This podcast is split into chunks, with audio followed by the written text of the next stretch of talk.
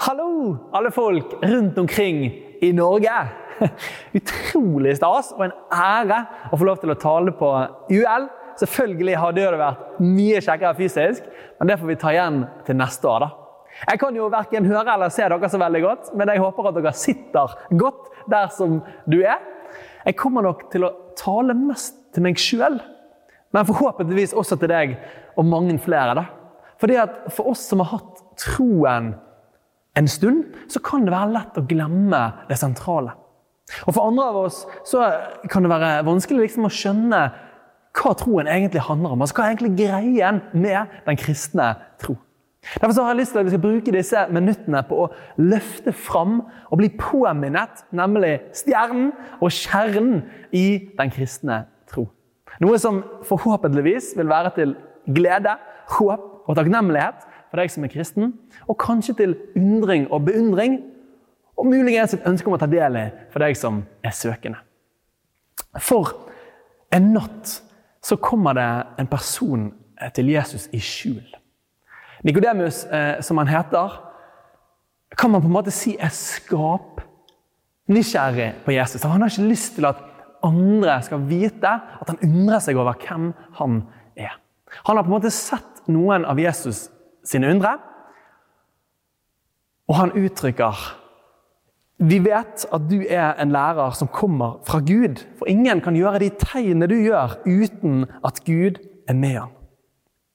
I dette møtet så ligger det på en måte en anerkjennelse fra denne lærde Nikodemus. Og samtidig noe uforløst. Hvem er du, Jesus, og hvorfor har du kommet? At han var nysgjerrig på Jesus, det er ikke rart.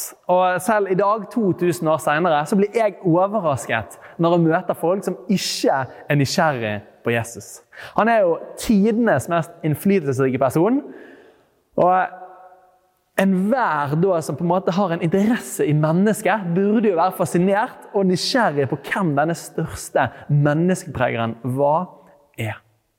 Nettopp dette spørsmålet dukket opp for meg tidligere i år da jeg kjøpte min første leilighet. og så tok jeg opp et lån der, jeg opp et lån i S-banken. Og Bare liksom for, å, for å sjekke at, at, ting var sånn som det skulle, da, så ringte jeg de i januar. En veldig hyggelig person tok telefonen. Og så sa han det at eh, jeg må bare stille deg et kontrollspørsmål, bare for å bekrefte at du er eh, den eh, som du sier at du er. da. Og dette kontrollspørsmålet det var jo noe som jeg hadde lagt inn for, for veldig mange år siden. Jeg ante jo ikke hva det var. Og da spør han da følgende Er du klar? Jeg spør han jo først, selvfølgelig. Da. Jeg sier ja, ja, ja, kjør på. Kom an. og så sier han Hvem er Jesus! og jeg begynner å le. Oi, det var et stort spørsmål. Og han også begynner å le. Og det er ganske tydelig at han skjønner at dette her er han presten som er på Farmen. Jeg lurer på om han klarer dette spørsmålet. Og så sier jeg jo at her er det jo mye som, som, man, kan, som, man, kan, som man, kan, si, da. Men jeg prøver meg. Jeg sier at han, Jesus er Guds sønn. Nei, det stemmer kanskje det, men eh, det er ikke det som er satt opp til svar her. Jeg tenker liksom, hmm, fortsatt tenker liksom, det, jeg tenker bare, Tenk hvor flaut om jeg ikke skulle klare dette her. da. Så prøver jeg meg på nytt igjen. Jesus er verdens frelser. Dessverre, det er ikke det som er satt opp som svar her. Jeg fortsetter å tenke hva i alle dager er det jeg har satt opp som svar på dette spørsmålet? her da? Og Han må på en måte ane min hjelpeløshet. For han sier at jeg tror kanskje vi skal gjøre det på en annen måte. jeg. Hva er personnummeret ditt? Og der, på kanskje et av de viktigste spørsmålene som prester svarer rett på, feilet jeg, da. Og heldigvis så eh, fikk jeg fortsatt ha det lånet. Det gikk ikke utover det. Men gjett hvem som var veldig veldig nysgjerrig på å gå inn i S-banken på nett, i nettbanken for å sjekke hva jeg hadde satt opp som svar på det. Ja, det var jo selvfølgelig meg. Gjorde det, Klikker meg inn. Spørsmålet 'Hvem er Jesus?' Vil du se svaret? Ja, det har jeg lyst til. og så kommer det da opp svaret. Og jeg bare Selvfølgelig! Det er jo også det Jesus er. Det var på en måte ikke et mer rett svar, men det var likevel en veldig god beskrivelse av hvem Jesus er. Og Nå er det jo selvfølgelig veldig fristende å fortelle eh, nettopp hva som var svaret på det spørsmålet, men det kan jeg vel ikke gjøre, for da vet jo dere mitt kontrollspørsmål, svaret på mitt kontrollspørsmål i S-banken. Så det, det, får vi holde oss eh, det, må, det, får vi unngå, da. Så vi får heller holde oss til det som Jesus sier til Nikodemus i denne teksten. da. Hvem er Jesus? Jo, Guds enbårne sønn. Guds egen inngripen i verden. Historiens midtpunkt. Den som mennesker har sett fram mot, og den som vi nå ser tilbake igjen mot. For så høyt har Gud elsket verden, sier Jesus til Nikodemus denne kvelden, denne natten. Bare de to sammen. At han ga sin sønn, den enbårne, for at hver den som tror på han ikke skal gå fortapt, men ha evig liv. Dette er hvorfor Jesus kom. Og dette er hvem Jesus er. Hvis vi skal utdype det litt, så kan vi ta med et vers fra første Korinterne som ved første øyekast kan være litt vanskelig å skjønne. Men der står det at alt er av Gud. Han som ved Jesus forsonte oss med seg sjøl og ga oss forsoningens tjeneste.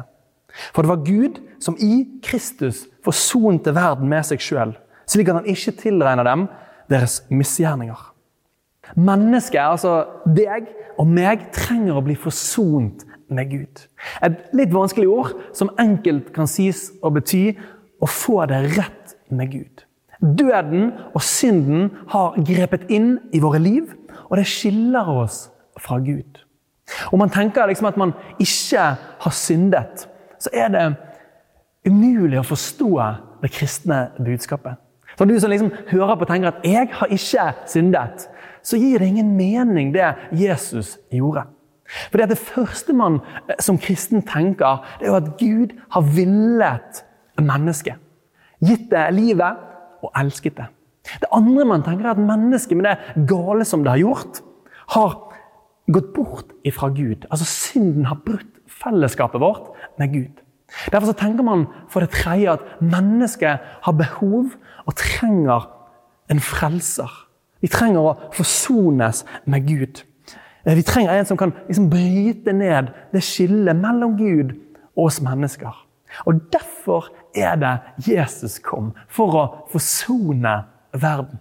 En kar som heter Ann Alselm av Canterbury, som levde på 1100-tallet, han forklarer det på denne måten her. At bare mennesket fortjener å betale straffen for synden. Men bare Gud kan gjøre det. Bare Gud kan frelse, overvinne døden, sette fri fra synd. Derfor ble Gud menneske. Vår synd, symbolisert med dette arket her, bærer og tar den syndfrie frelser på seg. Altså den rettferdige gjør den urettferdige rettferdig. Den syndfrie gjør synderen fri fra synd. Den perfekte helbreder den uperfekte.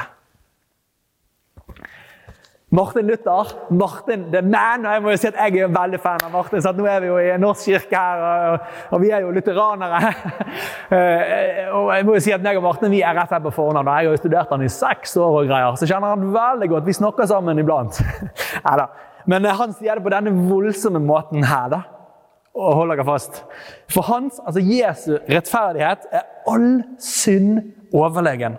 Hans liv er mektigere enn all død, og hans frelse seirer over all helvetes makt, sier Martin Luther. En voldsom uttalelse.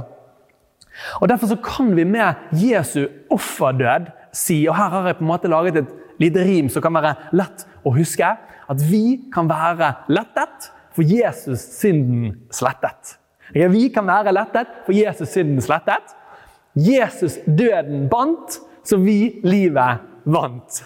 Jesus døden bandt, så vi livet vant. Og siste, da La oss Jesus finne, så vi kan skinne, og livet vinne.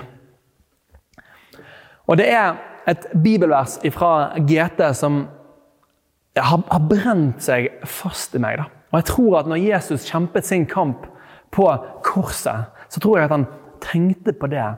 Bevar ditt hjerte framfor alt du bevarer, for livet går ut ifra det. På korset, i mitt sted, så mistet Jesus alt. Sin ære, sine muligheter, sin suksess, sin fortid, sin framtid, sine venner. Én ting mistet han ikke. Sitt hjerte.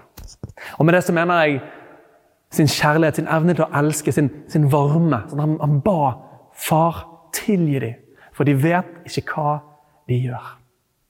Og jeg tror at når han hengte der, så så han for seg hvert eneste menneske som han ga sitt liv for. Jeg tror at han tenkte på deg, og jeg tror at han tenkte på meg.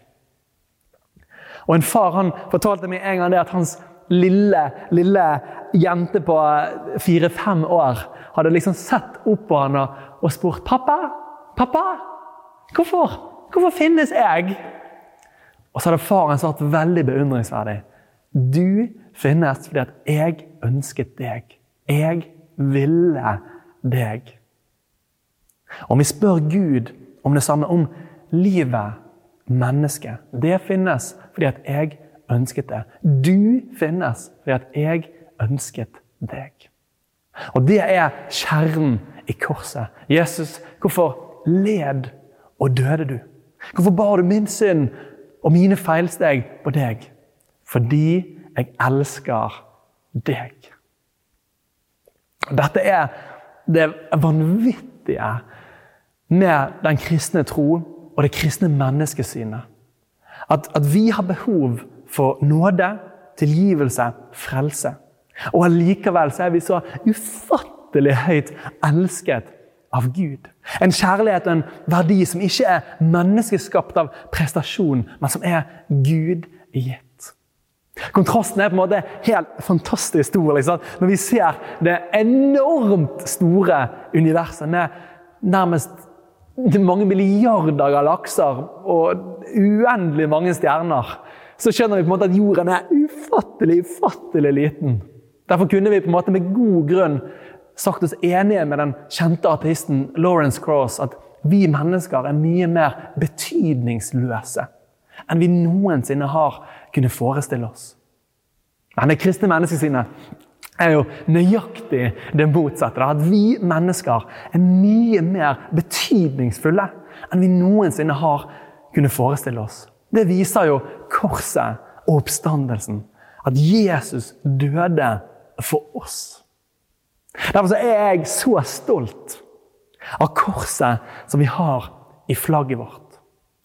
For det viser og symboliserer den enorme verdien som Gud setter på mennesket.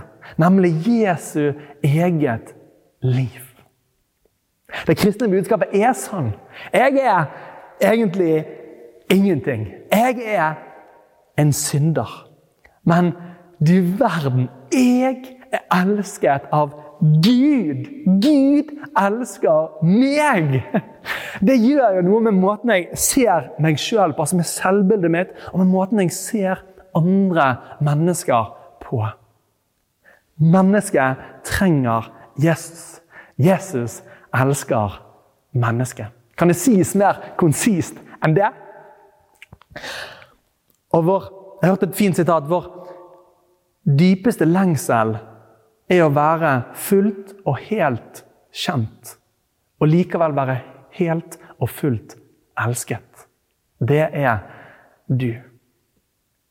Det betyr jo selvfølgelig ikke at, at Gud tvinger mennesket til himmel og til fellesskap med seg. Men det viser at han har et enormt stort ønske om fellesskap med oss mennesker, også utover dette livet. Han trenger seg på en måte ikke på oss, men han er bare en bønn unna. Og Jesus bringer nåde, frelse, tilgivelse til hver den som ber ham. Hvorfor det? Jo, fordi påskehendelsen med Jesus det slutter ikke med en solnedgang, mørke og død. Men med en soloppgang lyset og liv. Første påskedag er det store underets dag. Jesus oppstår, beseirer synden, døden, mørket og det onde. Ja! Det er liksom den hendelsen som fortjener mest jubel og feiring noensinne. Og når vi feirer gudstjeneste om søndagen, så er det jo nettopp en feiring av oppstandelsen. Peter som sier at døden var ikke sterk nok til å holde ham fast. Som kristne er vi derfor håpsbærere. Håp i gode tider, håp i vonde tider.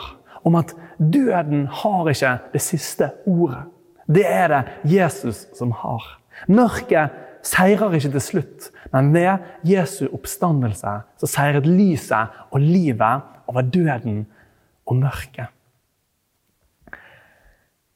Det er derfor en kar som heter Karsten Isaksen kunne si det på denne måten her, at når solen synker her, så stiger han der.